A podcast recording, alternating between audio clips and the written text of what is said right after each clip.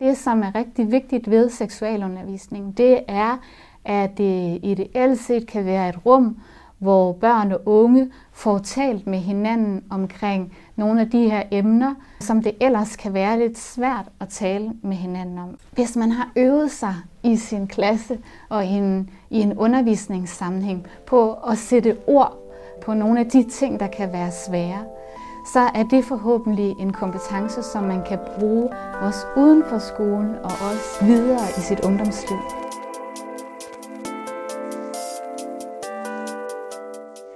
Du lytter til Start Snakken, Sex og Samfunds podcast til forældre.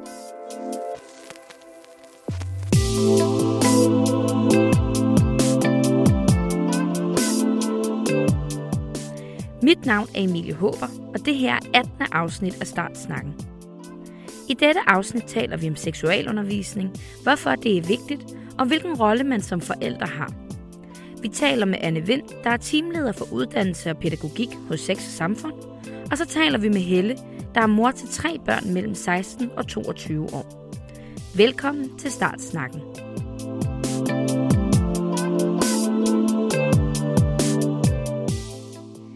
I år er det 50 år siden, at seksualundervisningen blev obligatorisk i den danske folkeskole. Og kønsorganerne er de organer, som hos os mennesker varetager forplantningen ved dannelse og sammenføring af de mandlige og kvindelige kønsceller.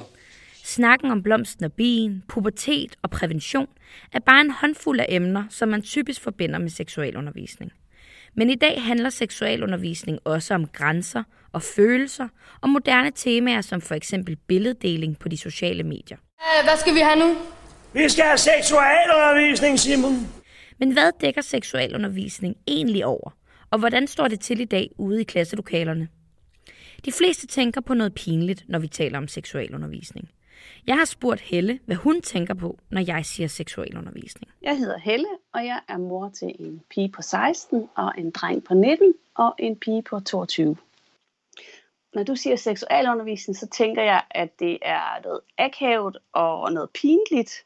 Jeg tænker, at det er sådan noget med prævention og sådan noget med at sætte øh, kondomer på, ja det kan være på atrapper eller på bananer eller gurker. Som udgangspunkt ikke noget, der er særlig interessant eller øh, sjovt. Seksualundervisning er altså pinligt og akavet. Men hvad er seksualundervisning egentlig, og hvad dækker begrebet over? Jeg har spurgt Anne Vind fra Sex og Samfund. Jeg hedder Anne Vind, og jeg er koordinator for det team, vi har i Sex og Samfund, der arbejder med uddannelse og pædagogik. Når man siger seksualundervisning, så er der mange, der tænker på sådan en måske mere eller mindre pinlig eller akavet undervisning, de selv har fået, da de gik i skole, om kondomer eller samleje eller menstruation. Og det handler seksualundervisning også om. Men seksualundervisning handler også øh, om meget mere end det. Man får undervisning dels i nogle af de her klassiske seksualundervisningsemner, som sex og prævention, men øh, det er også obligatorisk, at man modtager seksualundervisning i for eksempel personlige grænser, normer, rettigheder og altså nogle områder, som handler mere generelt om børn og unges trivsel i forhold til køn, krop og seksualitet. Og det gælder både i indskolingen og på mellemtrinnet og i udskolingen. I dag er seksualundervisning meget mere end samleje og prævention. Det skal også klæde børn og unge godt på til deres ungdomsliv. Jeg tænker, at seksualundervisningen skal fortælle børnene både omkring prævention, men også, at det indeholder øh, mange andre ting end sex. At det også indeholder kærlighed og hvordan de skal gebære det sig i deres ungdomsliv så skal det klæde dem på til, at de kan finde ud af at sætte grænser for dem selv, så de ikke oplever overgreb for eksempel, når de skal have deres øh, debut, og de skal selvfølgelig også kende til prævention, og det er på den måde, de skal klædes på til deres ungdomsliv. Og også vide, hvor de skal, have, hvor de skal henvende sig hen, hvis de oplever noget, som de ikke synes er i orden. Altså hvis man kigger i mediebilledet i dag, så er det jo ret tydeligt, at der er rigtig mange udfordringer for børn og unge, i forhold til øhm, køn, krop og seksualitet, spørgsmål om køn, krop og seksualitet, både analogt og digitalt. Og der er det altså øh, ret væsentligt eller ret centralt, at seksualundervisning ikke alene handler om, at man skal have viden om prævention for eksempel, men at det handler om at give børn og unge kompetencer til at kunne tage nogle gode valg i de situationer, de kommer i, som handler om forskellige spørgsmål i forhold til køn, krop og seksualitet. Det kan være i forhold til billeddeling for eksempel, eller i forhold til et fokus på samtykke. Så formålet med seksualundervisning er at klæde børn og unge på til at kunne tage gode valg og på den måde også fremme deres egen og andres sundhed og trivsel.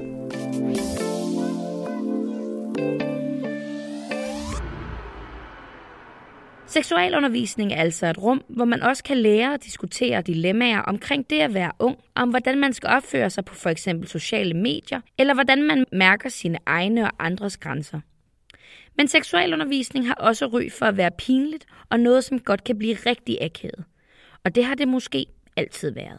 Jeg kan godt huske øh, lidt omkring min egen seksualundervisning, da jeg gik i skole. Den var, som jeg nævnte til at starte med, var den meget pinlig og meget akavet. Og alle sad og fniste og øh, det var ikke særlig givende som sådan, kan man sige. Altså, øh, men selvfølgelig er det bedre end, end ingenting. Med hensyn til mine egne børns seksualundervisning, så oplever jeg, at, min, at de har haft det på lidt samme måde, som jeg har haft det, at det har været lidt pinligt og lidt akavet, og at de synes ikke, de fik så meget ud af det. Altså, jeg har gjort meget ud af at fortælle om det herhjemme, så de vidste en del om det på forhånd, så de synes, at det var, de fik ikke noget at vide, som de ikke vidste på forhånd. Og det har selvfølgelig gjort, at jeg har synes, at det er mere en forældreopgave, end det er skolens opgave. På den anden side ved jeg også godt, at der er mange forældre, der ikke magter den opgave. Og derfor er det vigtigt, at det også bliver tilbudt i skolen, så man får noget, hvis ikke man, man har forældre, der magter det derhjemme. Helles børn har også oplevet, at de ikke rigtig fik noget ud af deres seksualundervisning. Og det er der faktisk desværre mange unge, som føler. Rigtig mange elever oplever seksualundervisning som et rum, hvor de ikke altid får svar på de spørgsmål, de har omkring køn, krop og seksualitet. Så noget af det, det er rigtig vigtigt at have med i sine overvejelser, når man laver seksualundervisning, det er, at man er opmærksom på, hvad der rører sig hos eleverne.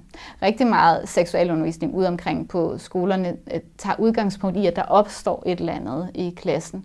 Og det er rigtig vigtigt, at seksualundervisning både er en undervisning, som kan opstå spontant, når der er behov for det, men også, at der er en systematik og en planlagt systematik og progression i undervisningen. Men den der del af seksualundervisning, som handler om, at man også skal være opmærksom på, hvad der lige rører sig i klassen eller rører sig hos de enkelte elever, det er en rigtig vigtig del. Og det er også øh, rigtig vigtigt, at man som underviser føler sig fagligt klædt på til at varetage undervisning, så man har en tryghed i at kunne lade elevernes undren og elevernes spørgsmål være det, der også i hvert fald delvist styrer undervisningens indhold. Altså at man også inddrager eleverne i planlægningen af seksualundervisning på den måde. Og det ser vi er en udfordring flere steder at, øh, at seksualundervisning nogle gange bliver en formidling af nogle emner, som eleverne ikke altid oplever, at der de lige er eller er relevante for dem. Og det har selvfølgelig også noget at gøre med, at elever kan være meget forskellige steder i forhold til de her spørgsmål om køn, krop og seksualitet, men det er alligevel en vigtig overvejelse at have med. Og øh, der kan man jo som forældre også have den opgave at have en dialog med klassens, sit barns lærer, om hvad man ser måske, der er behov for ens barn eller i klassen omkring emner i forhold til køn, krop og seksualitet, som det kunne være godt at tage op i seksualundervisningen. Så vil jeg også sige, at der er en del elever, som oplever, at lige præcis måske den kønsidentitet eller seksuel orientering, som de har, ikke er repræsenteret i undervisningen. Det kan man jo ikke altid vide som underviser, men det er rigtig vigtigt, at seksualundervisningen afspejler en diversitet og mangfoldighed i forhold til de repræsentationer af krop, køn og seksualitet, som bliver bragt op i undervisningen, for at seksualundervisning virker inkluderende for alle elever. Og det her med repræsentation, det er også en problematik, som går igen. For Helles søn har det fyldt rigtig meget, at han ikke kunne se sig selv i sin undervisning. Øh, min søn har kommet hjem med den udfordring, at han er homoseksuel, og synes ikke, at hans gruppe er repræsenteret i øh, seksualundervisningen, så hans udfordringer er, at han ikke synes, han får den viden og oplysning, han har haft brug for, til at vide, hvordan han skal håndtere hans ungdomsliv. Fordi fokuset ligger på de heteroseksuelle. Det er jo meget med, hvor henvender man sig hen, når man skal møde nogen. Altså, handler det om sex? Handler det om kærlighed? Hvad, altså, hvad er det? Øh, det er sådan nogle ting, som han efterlyser, at man snakker om, også omkring homoseksuelle. Ja. Der kan altså være mange grunde til, at elever ikke føler, at deres behov bliver dækket i seksualundervisningen. Og det hænger nok sammen med, at der ikke er nogen klare retningslinjer for, hvordan en undervisning skal foregå, eller hvem der skal varetage den. Der er rigtig mange undervisere, som laver seksualundervisning. Vi ved, der foregår en del seksualundervisning ude omkring på skoler i Danmark. Men vi ved også, at øh, den seksualundervisning, der foregår, er meget forskellig, alt afhængig af, hvilken skole man er på, og også hvilken klasse man går i. Seksualundervisning er et obligatorisk emne, men det er også det, man kalder et timeløst emne. Det vil sige, at det ikke som udgangspunkt har det ikke et bestemt time tal knyttet til sig, eller en fast plads på skemaet. Så det er op til den enkelte skoleledelse at beslutte, hvordan vil man på den her skole implementere seksualundervisning på skolens skema. Og det vi ved, det er, at den beslutning er der rigtig mange skoler, hvor man ikke har taget. Og det betyder, at det er meget op til den enkelte lærer og den enkelte lærers engagement, om der bliver lavet seksualundervisning. Derfor så er det også meget op til den enkelte lærer eller den enkelte klasses lærer faglige baggrund, hvilken kvalitet den seksualundervisning har. Altså det er jo et emne, som er, er særligt på den måde, at det er et emne, som meget hurtigt bliver meget intimt og meget privat, og på den måde også kræver nogle særlige didaktiske og fagdidaktiske overvejelser omkring varetagelsen af den her undervisning, for at det bliver en god undervisning, og for at det bliver en undervisning, der er tryg for eleverne at deltage i, men også svare på de spørgsmål, eleverne har. Det kan altså i nogle tilfælde være ret tilfældigt, hvordan ens seksualundervisning er. Men hvordan kan det være, at seksualundervisning ser ud, som den gør i dag? Måske skal vi kigge lidt tilbage i historien for at forstå, hvordan seksualundervisningen har udviklet sig.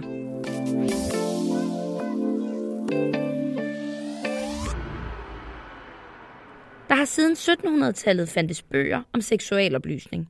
Men det var først i starten af 1900-tallet, at man begyndte at tale om en decideret seksualundervisning i folkeskolen. Selvom skolelærer kunne se vigtigheden af at undervise børn og unge i emner som for eksempel sex, så havde man hverken sproget eller materialerne til det.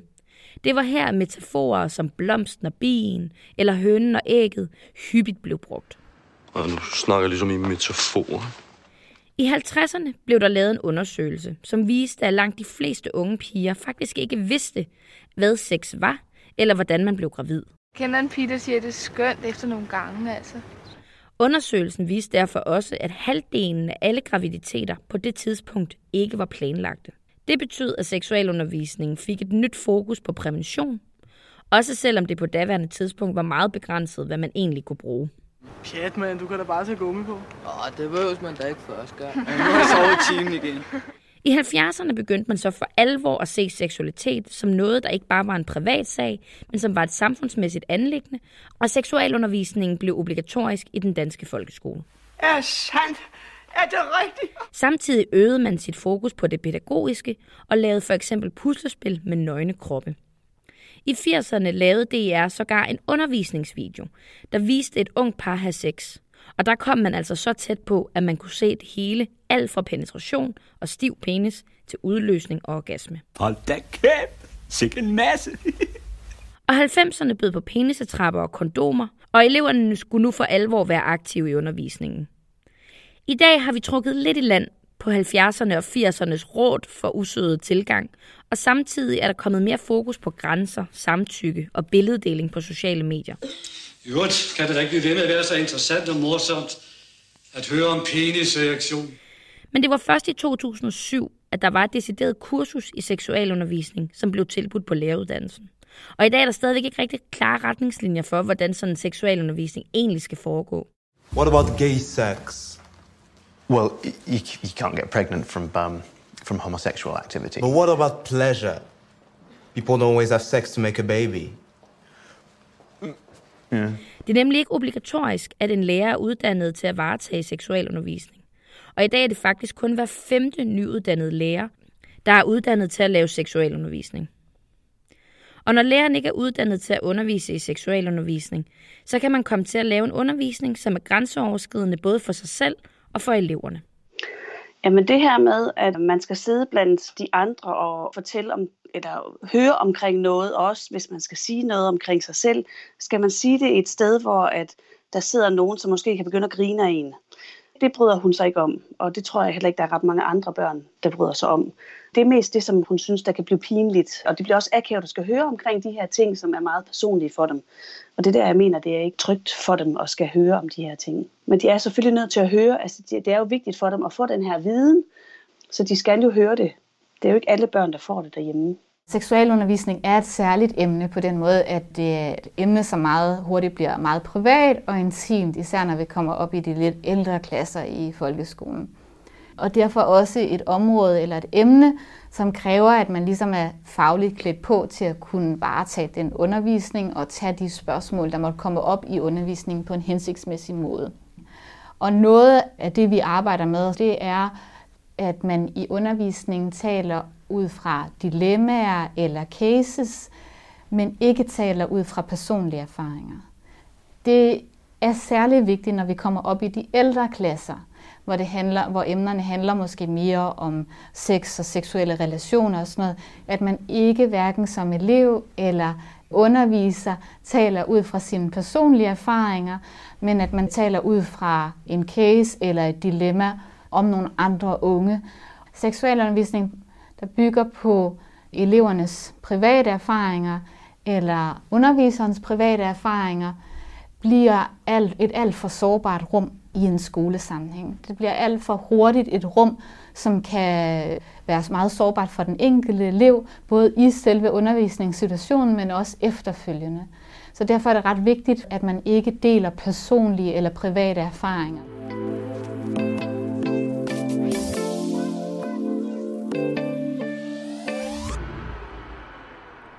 Det er altså svært for lærerne at lave seksualundervisning, når de ikke har de faglige kompetencer, og de heller ikke har klare retningslinjer for, hvordan undervisningen skal være på de forskellige klassetrin. For med de fleste emner er det vigtigt, at man starter tidligt. Jeg synes generelt, at seksualundervisningen starter for sent. Netop fordi de bliver, altså man kommer for sent ud, fordi de ved godt meget af det, og har måske også prøvet meget af det, inden at man kommer ud og fortæller dem om det. Men igen, så er der jo selvfølgelig også nogen, der er er langt foran, og nogen, der er øh, langt bagud. Og derfor er det, det er forældrene, der er tættest på børnene og ved, hvornår de har behov for det. Det gør lærerne ikke. Det har de ikke en chance for at vide. Fordi de har en klasse, hvor de skal ramme et bredt udvalg af 20-25 børn. Så det kan være svært for dem at vide, hvornår de lige præcis har brug for at vide prævention eller omkring sex, eller hvad det måtte være, de har brug for at vide. Det ved forældrene tættere på i hvert fald. Der er mange børn og unge, som har god gavn af at få sådan helt basal viden om kroppens anatomi og om øh, sex og samleje, og som er meget optaget af den type af spørgsmål, som faktisk handler rigtig meget om anatomi og om sex, og hvad sex er, og hvad sex kan være. Det er vigtigt at tale med børn og unge om de her klassiske emner, om sex for eksempel, og om forandringer i kroppen under puberteten. Altså også at tale om de følelsesmæssige aspekter, der kan være forbundet med for eksempel de forandringer, der sker med ens krop, eller det følelsesmæssige element af at skulle have sex, eller overveje, om man gerne vil have sex med nogen. Og at den del fylder måske ikke så meget i seksualundervisning, eller meget af den seksualundervisning, som foregår ude på skolerne. Det her med at tale om lyst i forbindelse med sex for eksempel, eller usikkerhed, det fylder for mange unge, men det fylder måske ikke så meget i seksuel undervisning. Mange børn føler altså ikke, at deres behov bliver mødt i seksualundervisningen, og i nogle tilfælde ved forældrene måske også bedre, hvor ens børn er udviklingsmæssigt. Men hvordan kan forældre og skole så arbejde sammen om at forbedre seksualundervisningen? Jeg har spurgt Helle, om hun nogensinde har talt om seksualundervisning med skolen eller andre forældre. Jeg har aldrig snakket kvalitet af seksualundervisning med nogen som helst. Det er aldrig kommet op på nogen forældremøder eller nogen andre steder ved mine børn. Jeg tror ikke, det bliver prioriteret. Det kan også være, fordi det er pinligt og akavet for forældrene at sidde og snakke om. Det kunne øh, også sagtens være en mulighed, at det er lige så pinligt og akavet for forældre at sidde og snakke om, som det er for børnene jeg har jo selv fortalt det, som jeg synes, mine børn de skulle vide, og har gjort det, hvad kan man sige, i, i tide til, at de har vidst det, de har haft behov for at vide. Og, og har de manglet noget, så har vi jo gået ind og søgt ind på nettet. Så jeg har jo ikke synes, de har haft behov for, hvad kan man sige, ekstra undervisning. Så derfor så har jeg ikke opsøgt mere viden på skolen. Det kan altså også blive akavet for forældre at tale om, og for Helle har det ikke været vigtigt, fordi hun selv har været tryg i at tale med sine børn. Men for både børn og forældre kan det også nogle gange være et behov, at man får viden og hjælp uden for hjemmet. Og hvad gør man så? Jeg har spurgt Anne Vind, hvad man som forældre kan gøre for at støtte op om sit barns seksualundervisning. Hvis man er interesseret i, hvordan seksualundervisning bliver varetaget på ens barns skole, så kan man gå til skoleledelsen og spørge dem, hvilken beslutning der er taget om, hvordan seksualundervisning bliver integreret på skolens schema.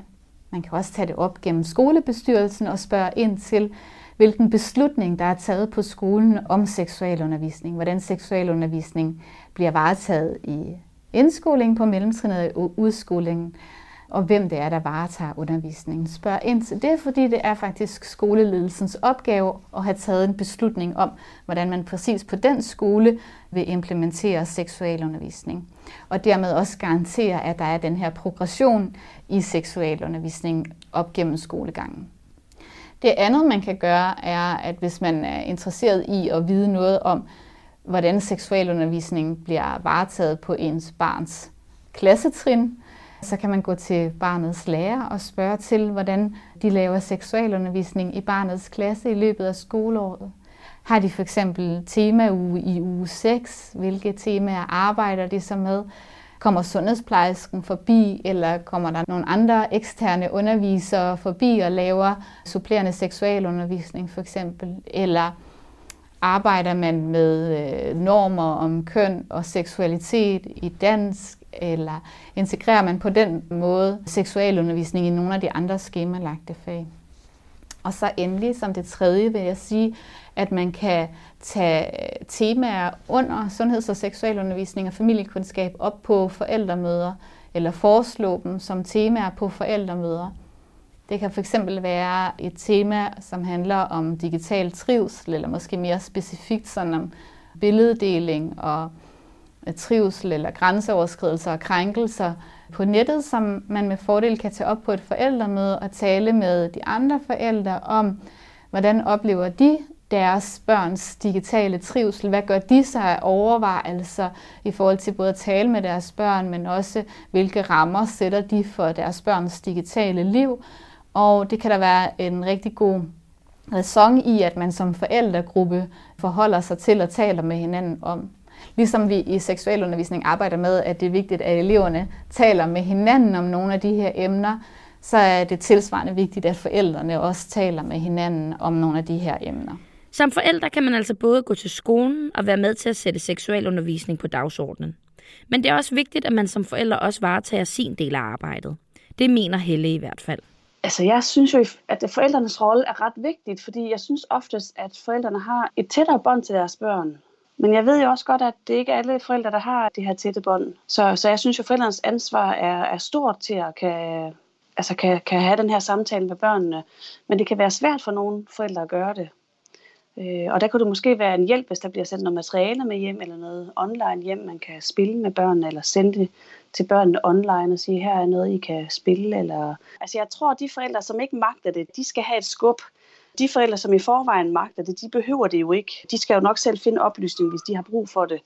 Så jeg tror, at hvis forældrene ikke ved, hvor de skal finde viden henne, så vil det være super, hvis de får det med hjem fra skolen og sige, her kan I gå ind og, og, selv finde noget information om det. Så får de i hvert fald noget, som er bedre end slet ingenting. Og så har de jo også det, de får i skolen.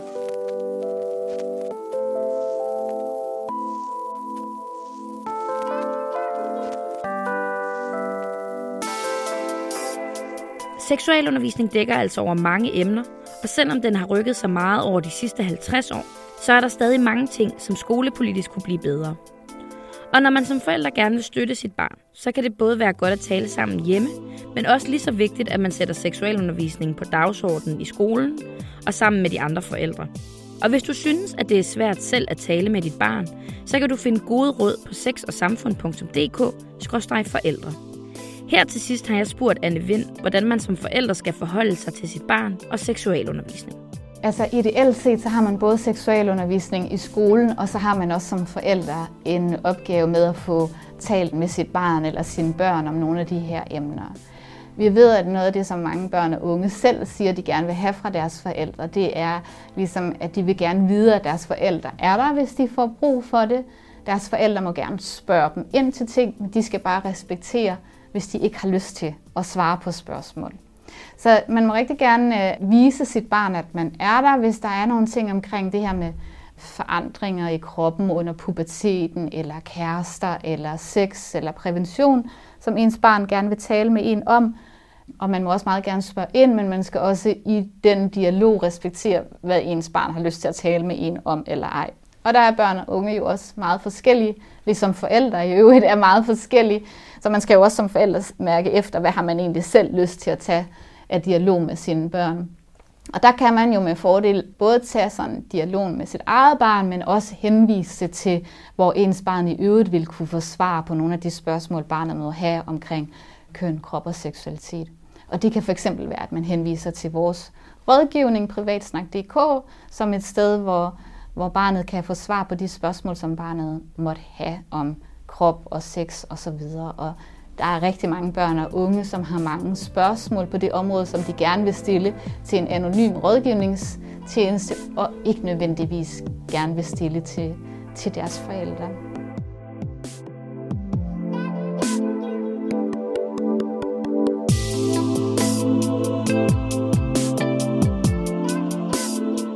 Har lyttet til Start Snakken, sex- og samfundspodcast til forældre.